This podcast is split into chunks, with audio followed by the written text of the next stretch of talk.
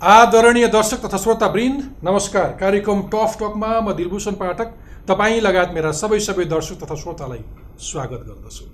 हिमालय टेलिभिजनमा बिहिबार राति नौ बजे प्रसारण हुने यो कार्यक्रम तपाईँ टफ टकको युट्युब च्यानलमा टफ टक प्रस्तुतकर्ता इन्टरफेस नेपालको web page Interface Nepal dot com र हाम्रो पात्रो एपमा हेर्न तथा आइएस चलाउने श्रोताहरूले आइट्युन्स र एन्ड्रोइड चलाउने श्रोताहरूले नेपाली पडकास्टमा पनि टफ टक सुन्न सक्नुहुनेछ। कोरोना भाइरस कोभिड उन्नाइसको रोकथाम र नियन्त्रणका लागि चार महिना लकडाउन भयो। तर यस बिचमा सरकारले खासै धेरै परीक्षण र कन्ट्याक्ट ट्रेसिङ गर्न नसकेका कारण लकडाउन खोल्न साथ सङ्क्रमितको सङ्ख्या हुवात्तै बढेको छ। मृतक र सङ्क्रमितको सङ्ख्या बढ्दा अहिले कोरोनाका लागि डेडिकेटेड हस्पिटल भरिएका छन्। कोरोना भाइरसको सङ्क्रमण देखिएको करिब आठ महिनासम्म पनि सङ्क्रमण बढेको अवस्थामा के गर्ने भन्ने अझै हाम्रा सरकारी संयन्त्रहरू अन्यलमा देखिनु विडम्बना हो।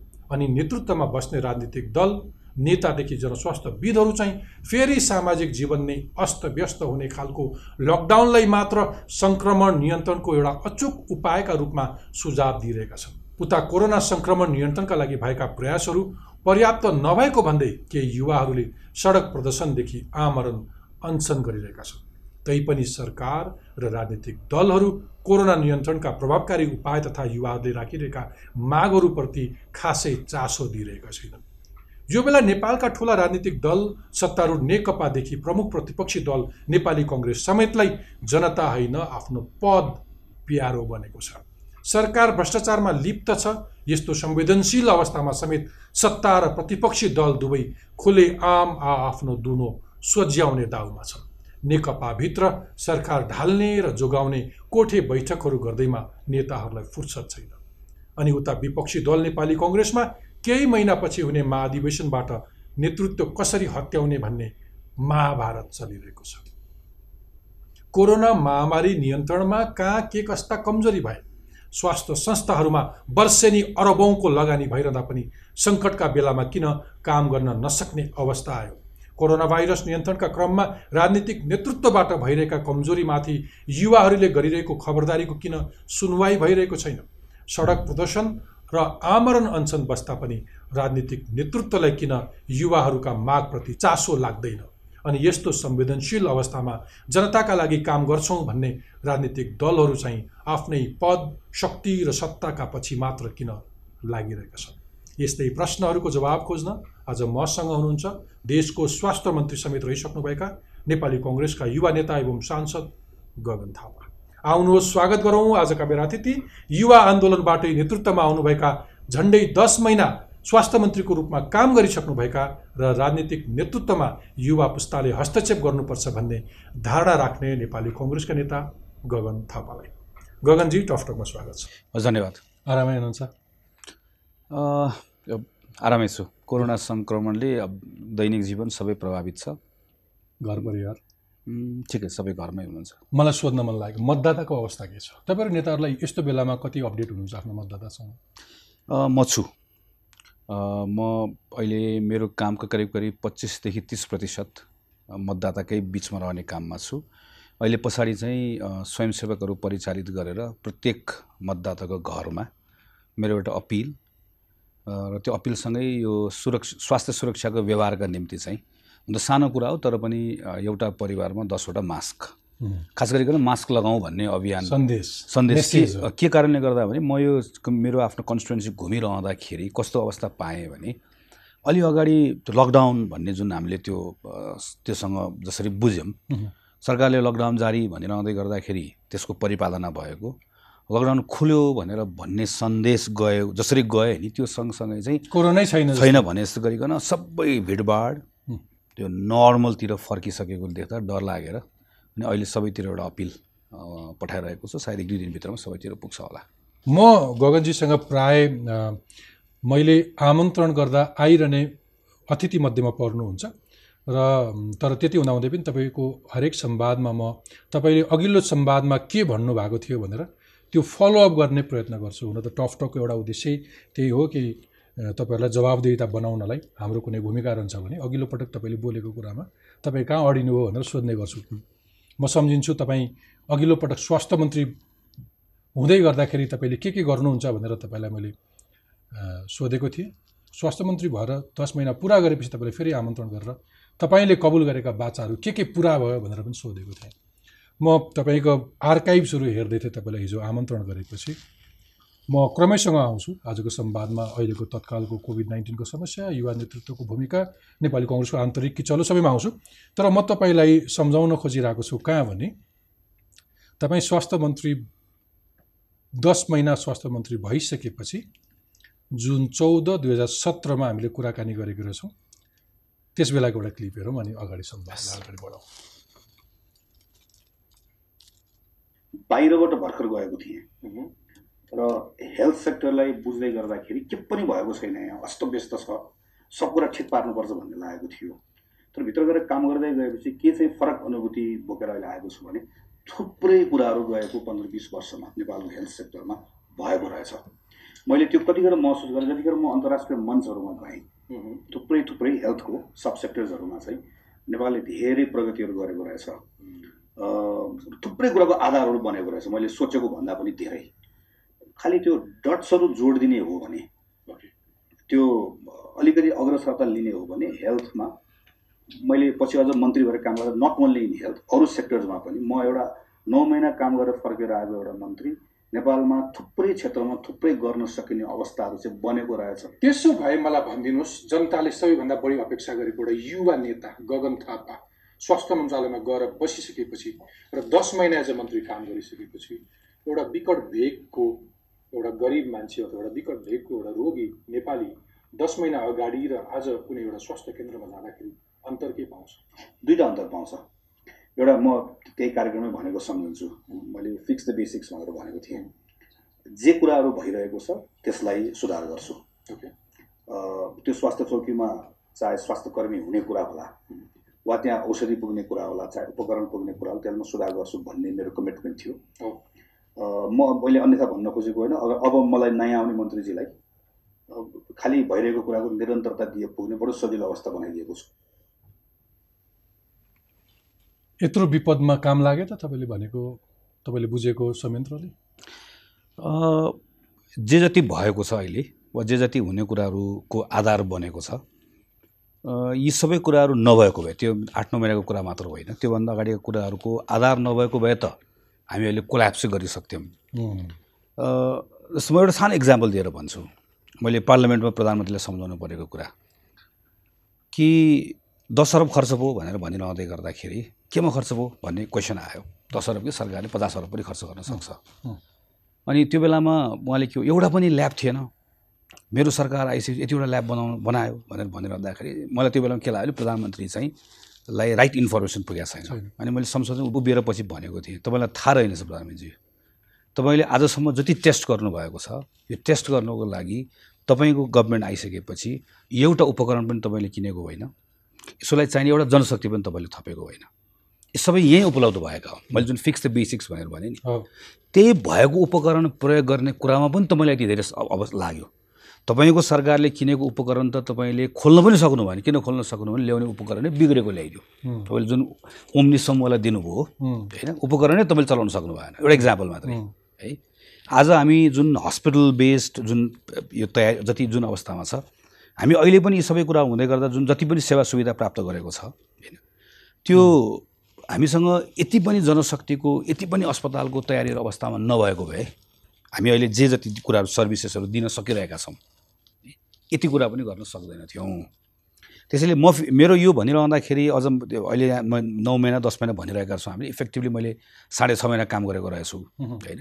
साढे छ महिना काम गर्दै गर्दाखेरि मैले एकचोटि भन्नु पऱ्यो कि। प्रधानमन्त्रीको सल्लाहकार भइसक्नु भएको एकजना साथीले मलाई के भनेर सा सामाजिक सञ्जालमा लेख्नुभयो भनेदेखि भने चाहिँ तपाईँको पालोमा कतिवटा आइसियु बनेको थियो भनेर भन्ने लेख्नुभयो।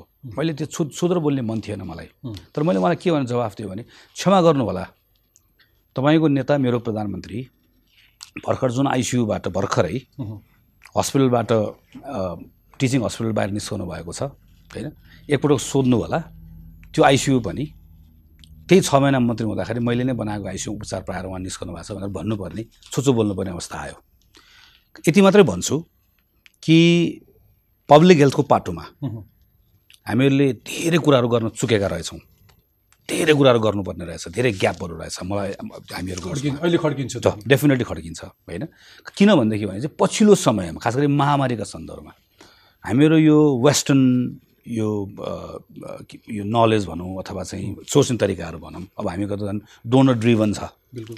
हामीले कतिपय कुराहरूमा चाहिँ जस्तो यो महामारी जसलाई हामी क्वारेन्टिन भन्छौँ हामी। आइसोलेसन भनेर हामी भन्छौँ यस्ता थुप्रै कुराहरूको लागि चाहिँ यस्तो अवस्था आउँछ भनेर हामीले कहिले सोचेकै रहेनछौँ। तर यस्तो तपाईँले अघि भन्नुभयो कि हामीसँग ह्युमन रिसोर्सेस पनि छ केही इन्फ्रास्ट्रक्चर्सहरू पनि छन् हामीसँग नलेज पनि छ केही इन्टरनेसनल अचिभमेन्ट्सहरू पनि छन्। तर तपाईँले डट्सहरू जोड्ने भन्नुभयो। आजको दिनमा त्यो सरकारले त्यो त्यो त्यो एक्जिस्टिङ सिस्टमलाई चाहिँ प्रपरली युटिलाइज गर्न सक्यो त? गरेन। एब्सोल्युटली कुरा नै यहाँनिर हो। जस्तो म एउटा उदाहरण दिएर भन्छु। फागुनमा जतिखेर संसदमा मैले सार्वजनिक महत्त्वको प्रस्ताव लिएर गएर पहिलोपटक पार्लियामेन्टमा डिबेट भयो। मैले जहाँ जे जति कुराहरू राखेँ यो गरौँ यो गरौँ यो गरौँ यो गरौँ यो यो गर्न सकिन्छ भनेर डेटासहित राखेँ। मैले त्यो राख्दै गर्दाको सबै कुराको मेरो त्यो मैले प्रस्तुत गरेको डेटाहरूको आधार के थियो त भन्दा मैले कोसँग गफ गरेको हो र। त्यही स्वास्थ्य मन्त्रालयभित्रकै भएकै मैले चिनेकै मानिसहरूसँग गफ गरेको हो। मैले पन्ध्र दिन मेहनत गरेँ उहाँहरूसँग कुराकानी गरेँ उहाँहरूको कुरा सुनेँ। मलाई त्योभन्दा बाहिर स्वास्थ्य मन्त्रालयभन्दा बाहिर भएका तर जोसँग ज्ञान छ। मैले उनीहरूसँग कुराकानी गरेँ र त्यो सबै कुरा गरेर कतिवटा मेसिन छ कतिवटा टेस्ट गर्न सकिन्छ दिनमा। मैले त्यो बेलामा प्राइभेट टेस्ट गर्न सकिने ल्याबको नाम लिएर पार्लियामेन्टमा गएको थिएँ। जुन अस्ति भर्खर पाँच दिन अगाडि सात दिन अगाडि खुल्यो। हुँ। कति कति भन्दा मैले फागुनको चौध गते दर्ता गरेको प्रस्तावमा हेर्नुहोस् है। त्यो सबै हाम्रो बिचमा थियो त्यो। अहिले पनि छ। मैले जम्मा गरेका कुराहरू त सबै ती वरिपरि उपलब्ध कुराहरू हुन् नि त। ती उपलब्ध कुराहरूको प्रयोग म सानो एक्जाम्पल दिन्छु. मैले त्यो बेलामा भनेको सम्झन्छु कि हामीहरू अझ इन्टरनेसनल फ्लाइट केही दिन रोक्दैनौँ। इन्टरनेसनल फ्लाइटबाट आएको मानिसहरूको सबैको रेकर्ड यसरी यसरी राखौँ। किन राखौँ भनेदेखि भने हाम्रो पासपोर्टमा हामीले जब ठेगाना लेख्छौँ होइन? अब तपाईँले झापा लेख्नुहुन्छ होइन? मैले अर्को कुनै जिल्ला भनेर लेख्छु। हामी त अर्कै ठाउँमा बस्छौँ नि त। सो अहिलेको नयाँ एड्रेस हामीलाई चाहिन्छ किनकि हामीलाई कन्ट्याक्ट ट्रेसिङ गर्न चाहिन्छ भनेर मैले भनेँ। पछि जब केसेसहरू आयो कन्ट्याक्ट ट्रेसिङ गर्ने फार्म कहाँ पुग्यो भनेर मैले एयरपोर्टमा गएर बुझेर मैले फार्मको कपी ल्याएँ। सोध्दै गर्दाखेरि चाहिँ त्यो फारम बनेर कसले छाप्ने र छापेर कसले वितरण गर्ने भन्ने कुराको टुङ्गो नलाग्दै गर्दाखेरि छापेको फारम सबै एयरपोर्टको घरमा त्यहीँ बन्द त्यहीँ भएर बसेछ। जसले गर्दाखेरि हाम्रो ए फलानु मान्छे सुरु सुरु तपाईँले या याद भयो त्यत्रो कार्यक्रम गर्दाखेरि याद नै भइहाल्यो।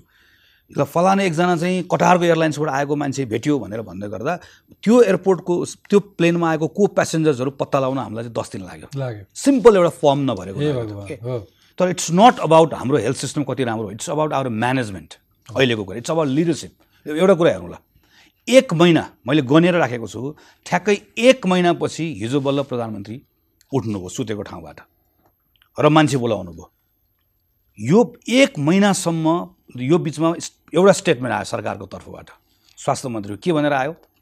काम गरेको नदेख्ने मानिसहरूको आँखामा मोतियाबिन्दु छ भनेर आयो।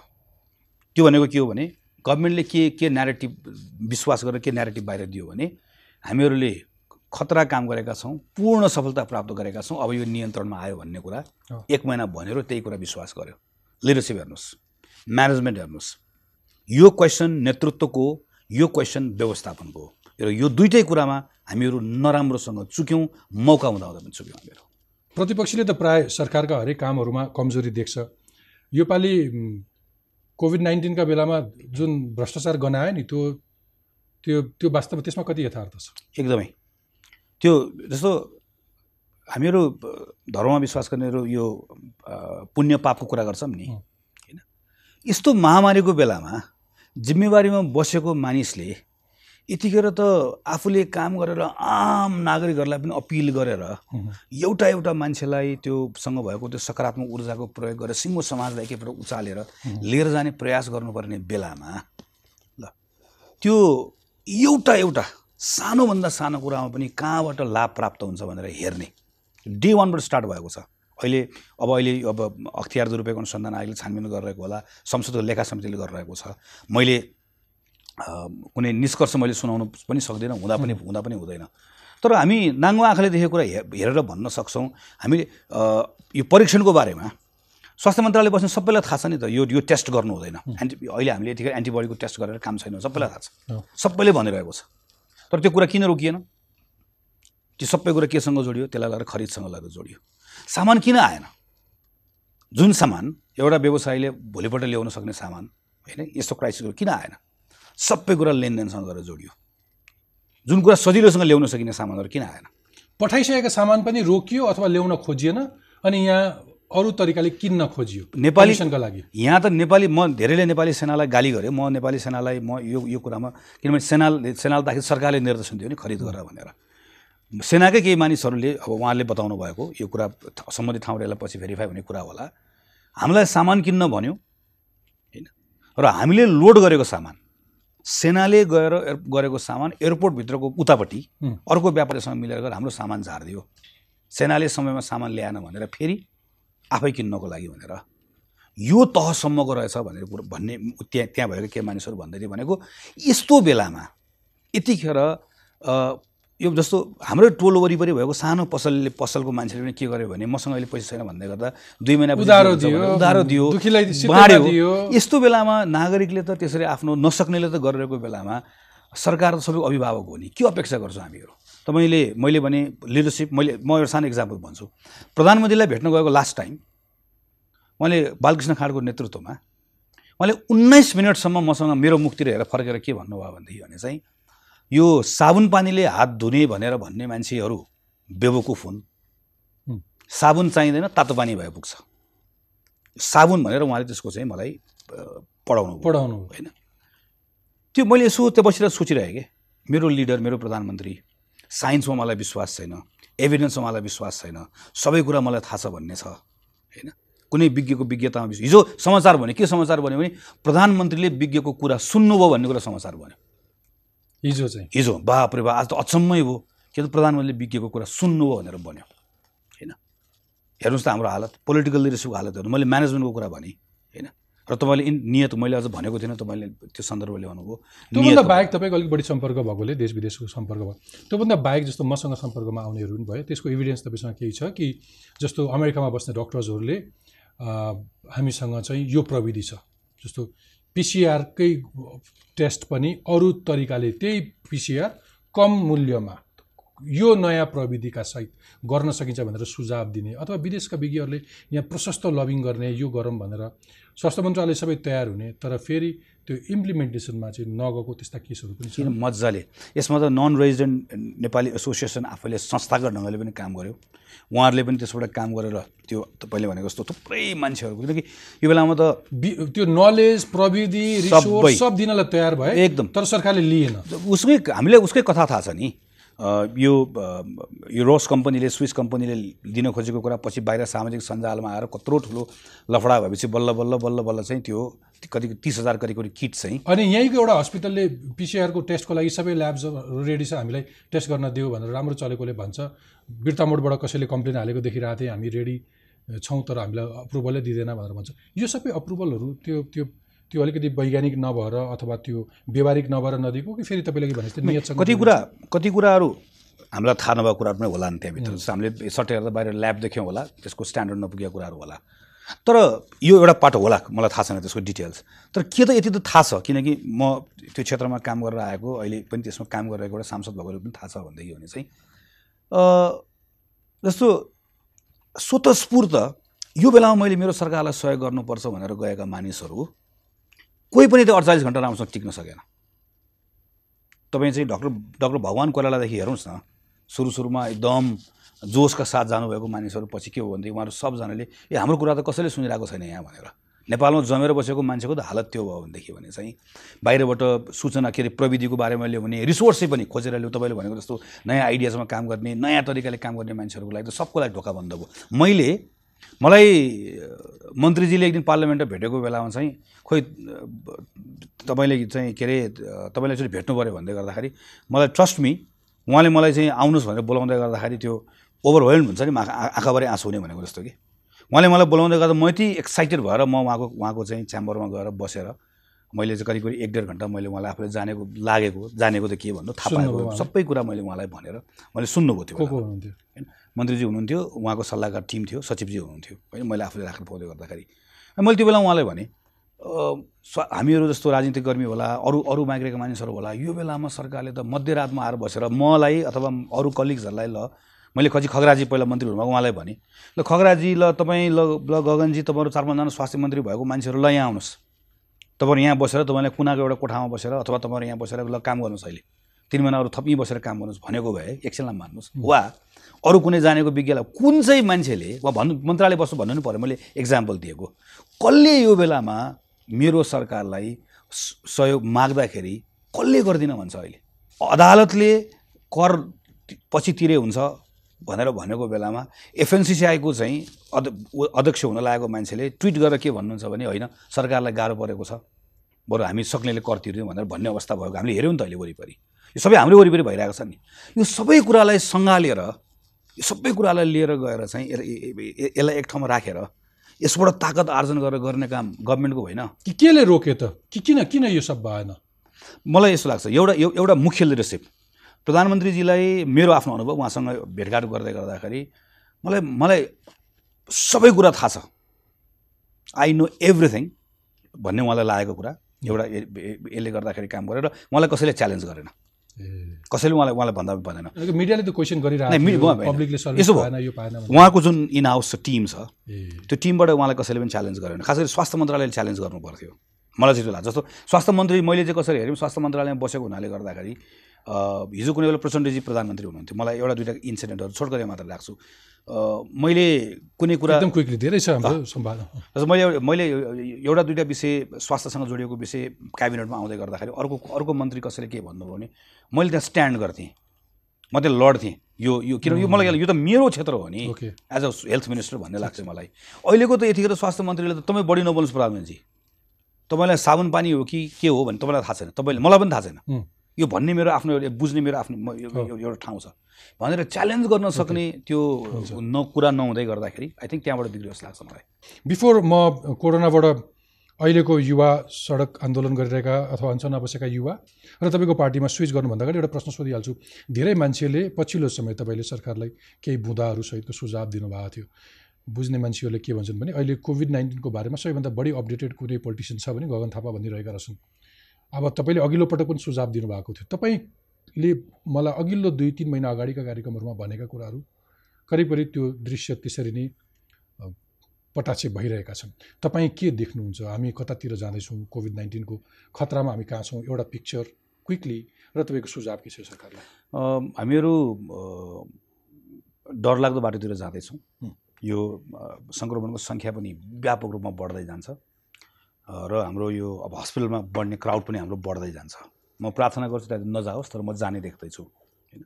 र के गर्नुपर्छ भन्ने कुराको सन्दर्भमा सबभन्दा पहिला चाहिँ यो होल छलफलको केन्द्रमा हामी जम्मा जम्मा लकडाउन राखिरहेछौँ नि। त्यो ब्रह्मास्त्र जस्तो। प्रयोग गर्ने कि नगर्ने यसबाट निस्कनु पऱ्यो सबभन्दा पहिला। एउटा टुल हो यो। सुरुदेखि नै त्यसको बारेमा गलत बुझाइ हो।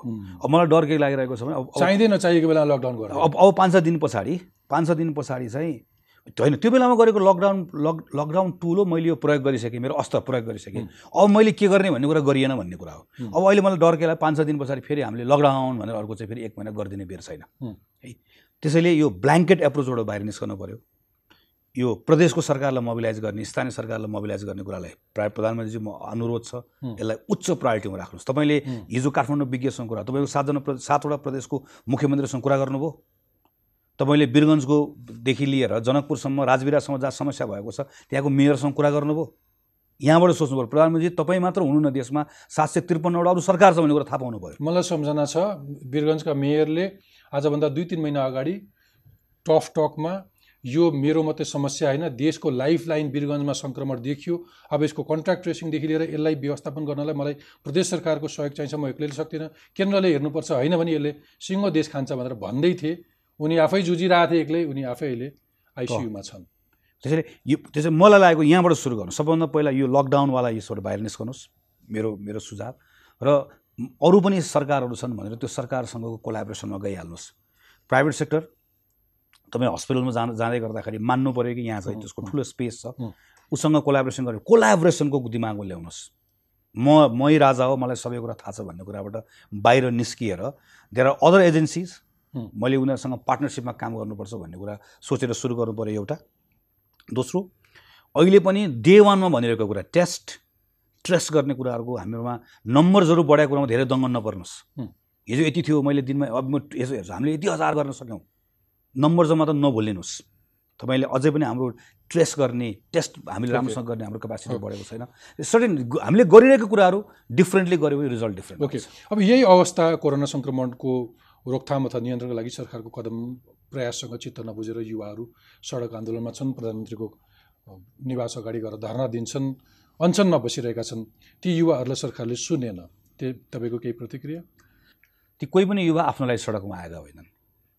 त्यो आम नागरिकका निम्ति आएको हुन्। ती सीमामा आउने नागरिकहरूसँग गरेको व्यवहार तिनीहरूलाई परेको दुःख सरकारको जवाफदेता नभएको कुराबाट आक्रोशित भएर सडकमा आएका हुन्। ती जिम्मेवार नागरिक हुन्। म तिनीप्रति ठुलो सम्मान प्रकट गर्न चाहन्छु। र सरकारलाई यो सङ्केत बुझ्नुहोस् भन्ने कुरा आग्रह गर्न चाहन्छु। यिनै यही युवाहरूको प्रतिनिधि प्रतिनिधि भएर हामी सरकारमा छौँ होइन हामी त। पार्लियामेन्टमा छौँ।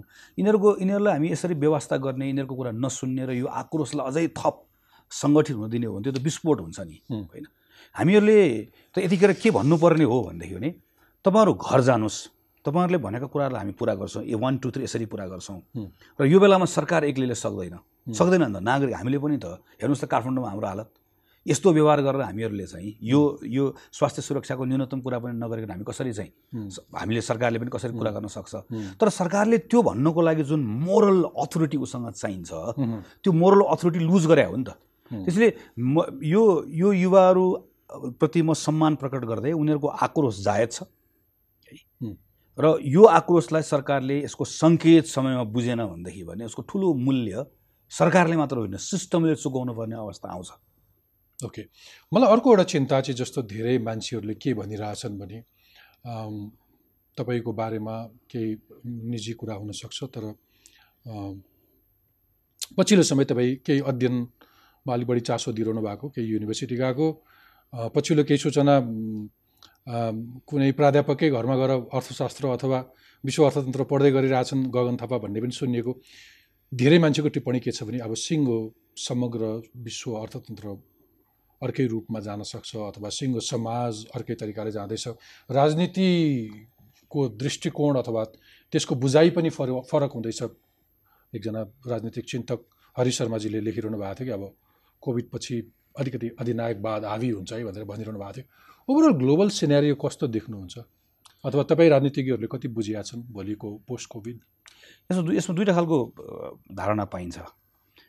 एउटा चाहिँ यो केही अर्थशास्त्रीहरू ड्यानी रोड्रिकहरू जस्तो अर्थशास्त्री उनीहरू के उनीहरू के भन्छन् भने यो पोस्ट कोभिड भनेर हामीले जुन एउटा राख्यो के पनि हुँदैन धेरै। मान्छेहरू बिसी र एसी भन्छन् बिफोर कोरोना आफ्नो कोरोना भनेर भन्छन्। अमेरिकन राष्ट्रपति ट्रम्प जस्तो रा- जुन खालको शासकहरू संसारभरि उदय भइरहेको छ यो त कोरोना आउनुभन्दा पहिले उदय भयो।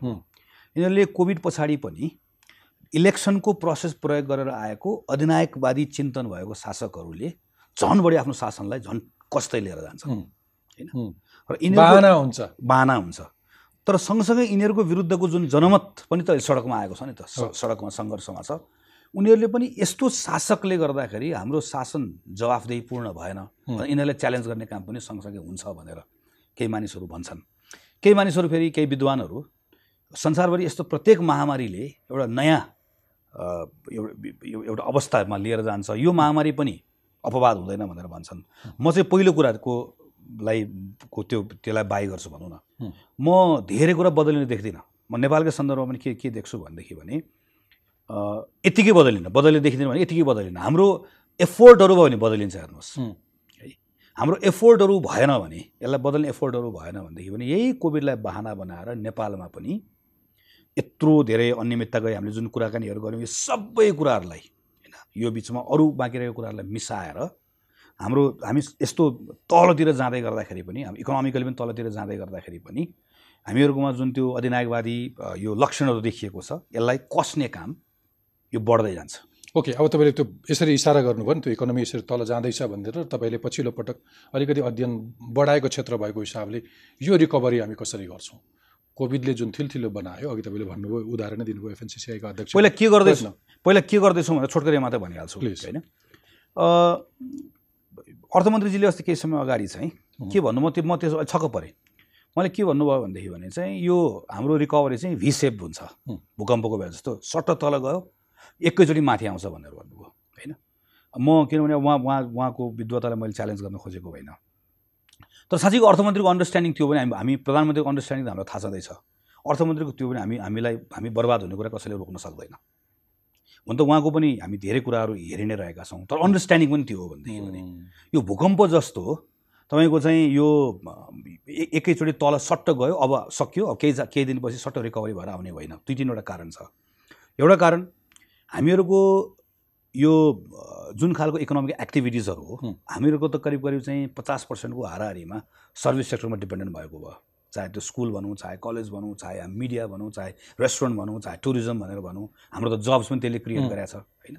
यो त हाम्रो गयो त नराम्रोसँग अब यो। त यो त यो त तपाईँ अहिले यो चाहिँ अब हाम्रो जुन न्यू नर्मल भनेर हामी भन्छौँ मास्क लाएर बाटोसम्म पो हिँड्न सकिन्छ। मास्क लाएर रेस्टुरेन्टमा खान त सकिँदैन। हामी कोही पनि मास्क लाएर मुक्तिनाथ त जान्नौँ नि त। टुरिज्म इन्डस्ट्री त गयो। Not only tourism. तपाईँको अहिले विद्यालयदेखि लिएर बिल्कुल। होइन भनेको सर्भिस सेक्टर त पुरै थिलथिलो भयो नि त। र लामो समयसम्म यो कुरा रहन्छ। है? र अहिले सरकारले जुन कार्यक्रमहरू ल्याएको छ अहिले मोनिटरी पोलिसीबाट सबैले गजब गजब भनेको मैले हेरेँ। ठिकै पनि हो। सोचेको भन्दा धेरै राम्रो पनि आयो। फाइन तर म भूकम्पको बेलाको सम्झिरहेको छु कि? भूकम्पको बेलामा काठमाडौँमा के भयो भने तपाईँलाई घर भत्केको छ भने तपाईँलाई घर बनाउनलाई मैले टु पोइन्ट फाइभ पर्सेन्ट इन्ट्रेस्टमा मैले लोन दिन्छु भनेर भने एकजनाले नै पाएन। किन पाएन भने तपाईँले चाहिँ त्यो लोन लिनको लागि त्यो प्रोसेस त्यो। प्रोसेसिङ गर्दै गर्दा गाह्रो मात्र होइन इम्पोसिबल थियो। ठिक छ सारमा बुझ्यो अब म तपाईँको पार्टीको आन्तरिक नेतृत्वको जुन छेनाझम्टी छ त्यसमा हामी जाउँ। त्यसमा पनि तपाईँले अघिल्लो पटक मसँगको संवादमा केही कुराहरू राख्नु भएको थियो। त्यो क्लिप हेरौँ अनि अगाडि बढौँ पार्टीभित्रको जस्तो खालको अहिले छलफलको परिवेशहरू अहिले बनेको छ। त्यसमा हामीलाई धेरै स्पेस कहीँ पनि दिएको छैन। धेरै जस्तो कुराहरू पार्टीको नेता अझ अहिले त यो पार्टीको एउटा कार्य सम्पादन समिति भन्ने बनेको छ। ठुलो नेताहरूको प्रभावशाली नेताहरूको जिम्मेवार नेताहरूको। होइन त्यसपछि गएर त्यसलाई अरू के भन्छ एकदम यो प्रभावशाली नेताहरूको र उहाँहरूलाई के लाग्छ भने उहाँहरूसँग मात्रै पार्टीको बारेमा निर्णय गर्ने क्षमता छ भन्ने लाग्छ। हामीहरू एक प्रकारले दर्शक हो भन्ने लाग्छ उहाँलाई धेरै हदसम्म।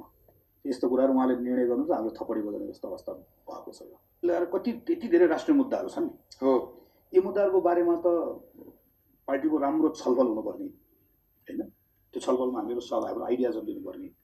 त्यसपछि निर्णय पार्टीको निर्णय हामी सबै बाँधिन्छौँ फेरि। पार्टी कार्यकर्ता भनेर म पनि बाँधिन्छु त्यो निर्णयमा अनरसिप पनि हुन्छ नि मैले राख्न पाएको थिएँ। मलाई यसरी जमेर छलफल गर्न पाएको थाहा पाएको भनेको लोकमान सिंह कार्कीको मुद्दाको बेलामा थियो। ओके। त्यतिखेर मैले महाभियोग लगाउनै पर्छ भन्ने मेरो दलिल थियो के साथीहरू लगाउनु हुन्न भन्ने हो। जमेर छलफल गरेँ त्यसै गरेर संशोधन गरेर मैले कुरा राखेँ। एक खालको आनन्द आएको थियो कि आज मैले मेरो पार्टीमा कुरा राख्न पाएँ त्यसपछि मलाई यादै छैन।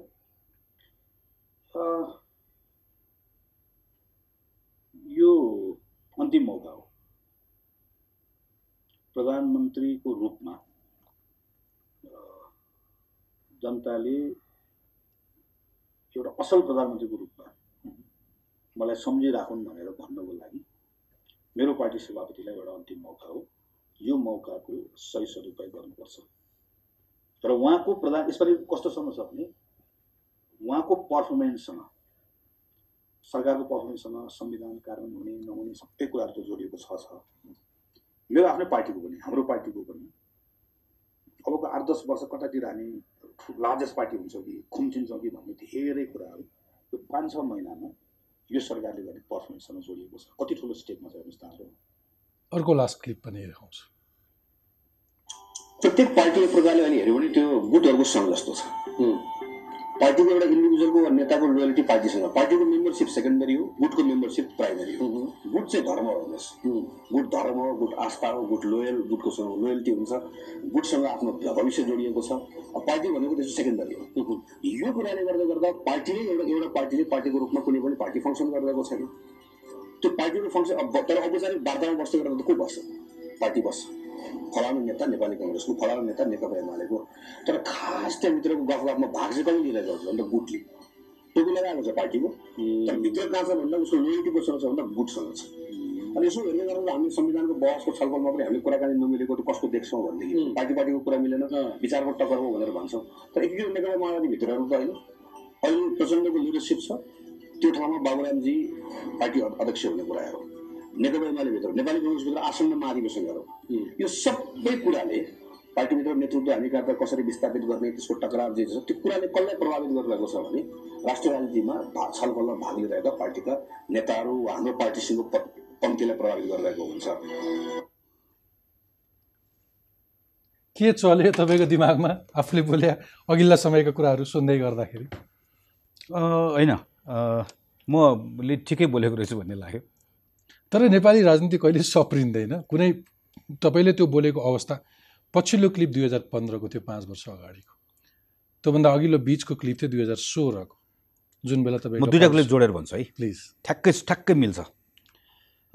त्यो अगाडिको जुन गुटवाला कुरा गरेको पार्टीभित्रको गुटहरू भत्काउने कसरी भने पार्टीको मेम्बरसिपको तरिका बदल्ने जसको हामी प्रयास निरन्तर गरिरहेका छौँ आज सफलता प्राप्त गर्न सकेनौँ तर भोलि गर्छौँ। त्यो भनेको के भने पार्टीको अधिवेशनमा सीमित मान्छेहरूले पार्टीको सभापति वा नेता छान्ने होइन।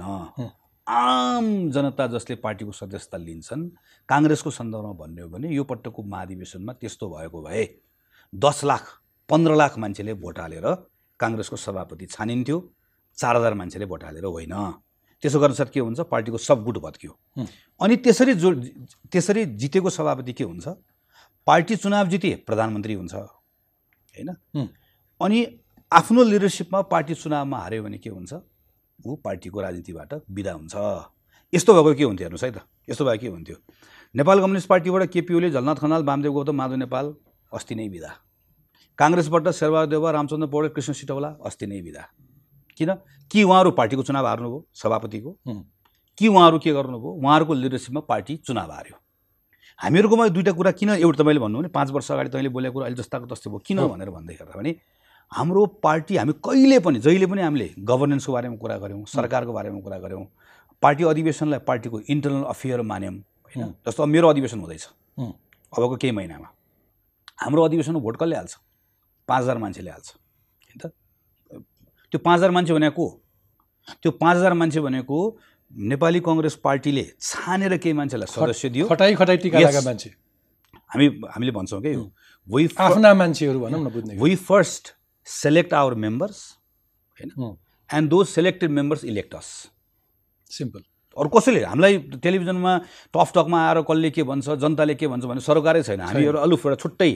ठाउँमा हामीहरूको चाहिँ एउटा टापु जस्तो छ। हामी केही लिमिटेड मान्छे छौँ त्यसले हाम्रो छान्छ। यो पार्टी जनतासँग अलग्ग पार्टीहरू हो। यो पार्टीलाई पिपलसँग जोडौँ। कसरी जोड्ने? जब अहिले भने सिम्पल कुरा। पार्टीको मेम्बरसिप ओपन गरौँ। लाखौँ त्यसका- लागि को तयार हुन्छ त। त्यसको यस्तो भयो।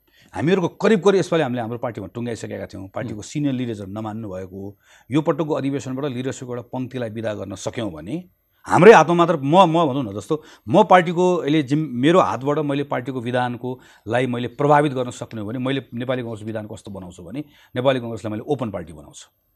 लाखौँ मान्छे मेम्बर हुने पार्टी बनाउँछु। तपाईँले भनेका यी यी बुढा नेताहरूलाई विदा गर्ने सम्भावना कहिलेसम्म रहन्छ? यसपालिको अधिवेशनबाट गर्छौँ। यो यो यो वर्षको अधिवेशनबाट तपाईँले बुढाहरू फाल्नुहुन्छ? फाल्छौँ। एकचोटि दोहोऱ्याएर भनिदिनुहोस्। नेपाली कङ्ग्रेसको आसन्न महाधिवेशनमा तपाईँहरूले नेपाली कङ्ग्रेसका के भनौँ वरिष्ठ पुराना यो राम्रो शब्द। ग्रेसफुल एक्जिट हामी उहाँको कोसिस गर्छौँ। ग्रेसफुल एक्जिट गर्दै हुनुहुन्छ। ग्रेसफुल एक्जिटमा को को गर्दै हुनुहुन्छ? को को हुँदैछ? यसो भयो। अहिले नाम भन् नाम भन्दै गर्दा कतिपय कुरा नमिठो सुनिएला होइन। यो तर नेपाली कङ्ग्रेसको एउटा पङ्क्तिलाई। बडो सम्मानका साथमा यो अधिवेशनबाट हामीले विदा गर्छौँ त्यो अधिवेशनबाट विदा नगर्नु भनेको यो हाम्रो पार्टीलाई असान्दर्भिक बनाउनु हो। हाम्रो पार्टीलाई सान्दर्भिक बनाउनका निम्ति पनि उहाँहरूलाई ससम्मान यो अधिवेशनबाट हामीले बिन्ती गरेर उहाँहरूलाई हामीले विदा गर्छौँ। ससमान भनेको के? मायाका साथ। मायाका साथ। मायाका साथ भनेको तपाईँहरूको प्रतिस्पर्धा त्यसरी तयारी गर्दै हुनुहुन्छ सकेसम्म उहाँहरूलाई उहाँहरूलाई प्रतिस्पर्धा मायाको साथ भनेको हाम्रो प्रयास के हो भने उहाँहरूलाई प्रतिस्पर्धामा आउनै। नपर्ने आउनै नदिने नदिने भन्दा पनि अब उहाँहरूलाई आउन नपर्ने अवस्था निर्माण तर त्यस्तो देखिन्छ त आजसम्म राजनीतिक घटनाक्रम हेर्दाखेरि त्यो त उहाँहरूको त त्यो छोड्ने इच्छा छैन हाम्रो इच्छा त्यो भयो होइन हुँ। तर हाम्रो इच्छा अनुसारले भएन भने त अब यदि ग्रेसफुल भएन भने फोर्सफुल हुन्छ ए ग्रेसफुल एक्जिट भन्यो भने के हुन्छ फोर्सफुल एक्जिट ओके अनि त्यो हाम्रो इच्छा भनेको चाहिँ त्यो कति प्रतिशत चाहिँ हाम्रो इच्छा भन्ने हुन्छ त्यो हाम्रो इच्छामा कति प्रतिशत हुन्छ तपाईँको पार्टी अब मैले सरस्वती म म पार्टीको साथीहरूसँग निरन्तर सम्पर्कमा रहँदै गर्दा पार्टीको ठुलो पङ्क्ति भनौँ न सत्तरी अस्सी प्रतिशत मानिसको इच्छा यो भएको।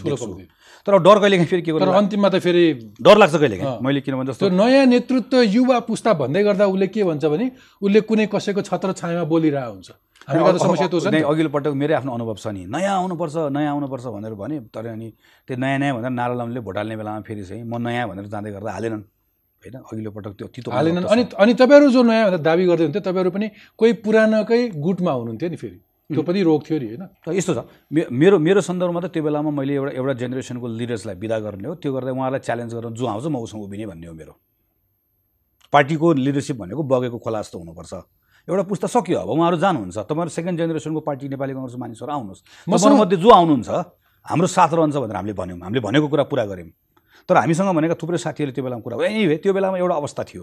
तर मलाई अहिले के लाग्छ हामी मेरो जेनेरेसनको साथीहरू अरू मभन्दा अलिक सिनियर साथीहरू हाम्रो लगातार छलफल हुँदै गर्दा सबैको कुरा के छ भने यो पार्टीलाई को यो पार्टीको रेलिभेन्सका लागि पनि सान्दर्भिकताका लागि पनि नेपाली कङ्ग्रेसभित्र थुप्रै कुरा बदल्नुपर्छ। अरू कुरा बदलेको कुरा हामीलाई मात्र थाहा हुन्छ।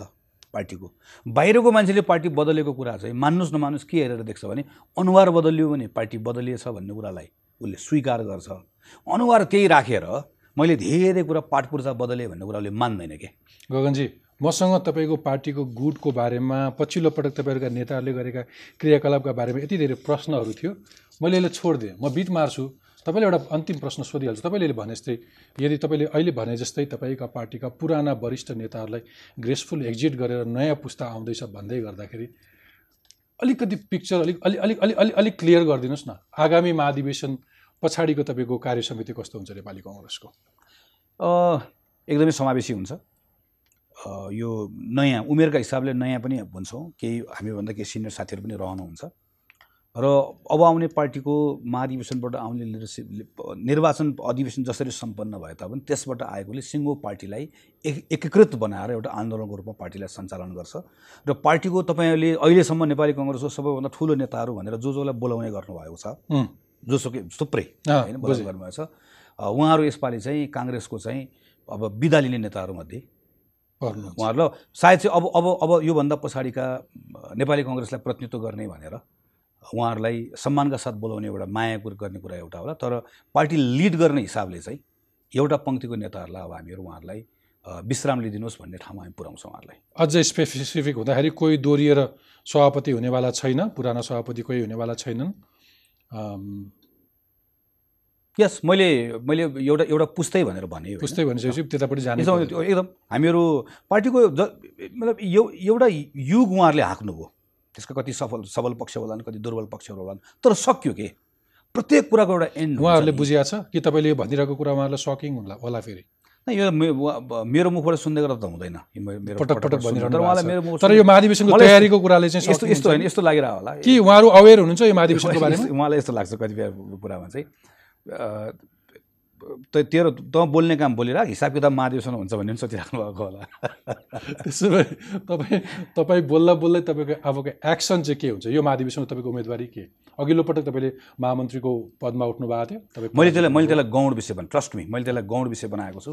पार्टीको लिडरसिप सिङ्गो पार्टीलाई त्यो नयाँ नयाँ भनेको रेलिभेन्ट बनाउने कुराको को त्यो च्यालेन्जलाई त्यसलाई चाहिँ प्राप्त गर्ने पुरा गर्ने कुराको सन्दर्भमा आवश्यकता भयो। मेरो लागि स्वाभाविक ठाउँ भनेको पार्टीको महामन्त्री जाने कुरा हो। आवश्यकता पऱ्यो म पार्टीको केन्द्रीय सदस्य मात्र कोही कोही- कोहीसँग बसेर लड्न पनि तयार छु। होइन कसैले प्रयत्न गर्ने अवस्था भएन भने त्यो बेलामा पार्टीको सभापति लड्न पनि तयार छु। अथवा अघि तपाईँले भनेको यो यी वरिष्ठ नेताहरू फेरि पनि त्यहाँ त्यहाँ उम्मेदवारी दिन आयो भने तपाईँ अध्यक्षका लागि लड्नुहुन्छ सभापतिका लागि लड्नु नै हुन्छ।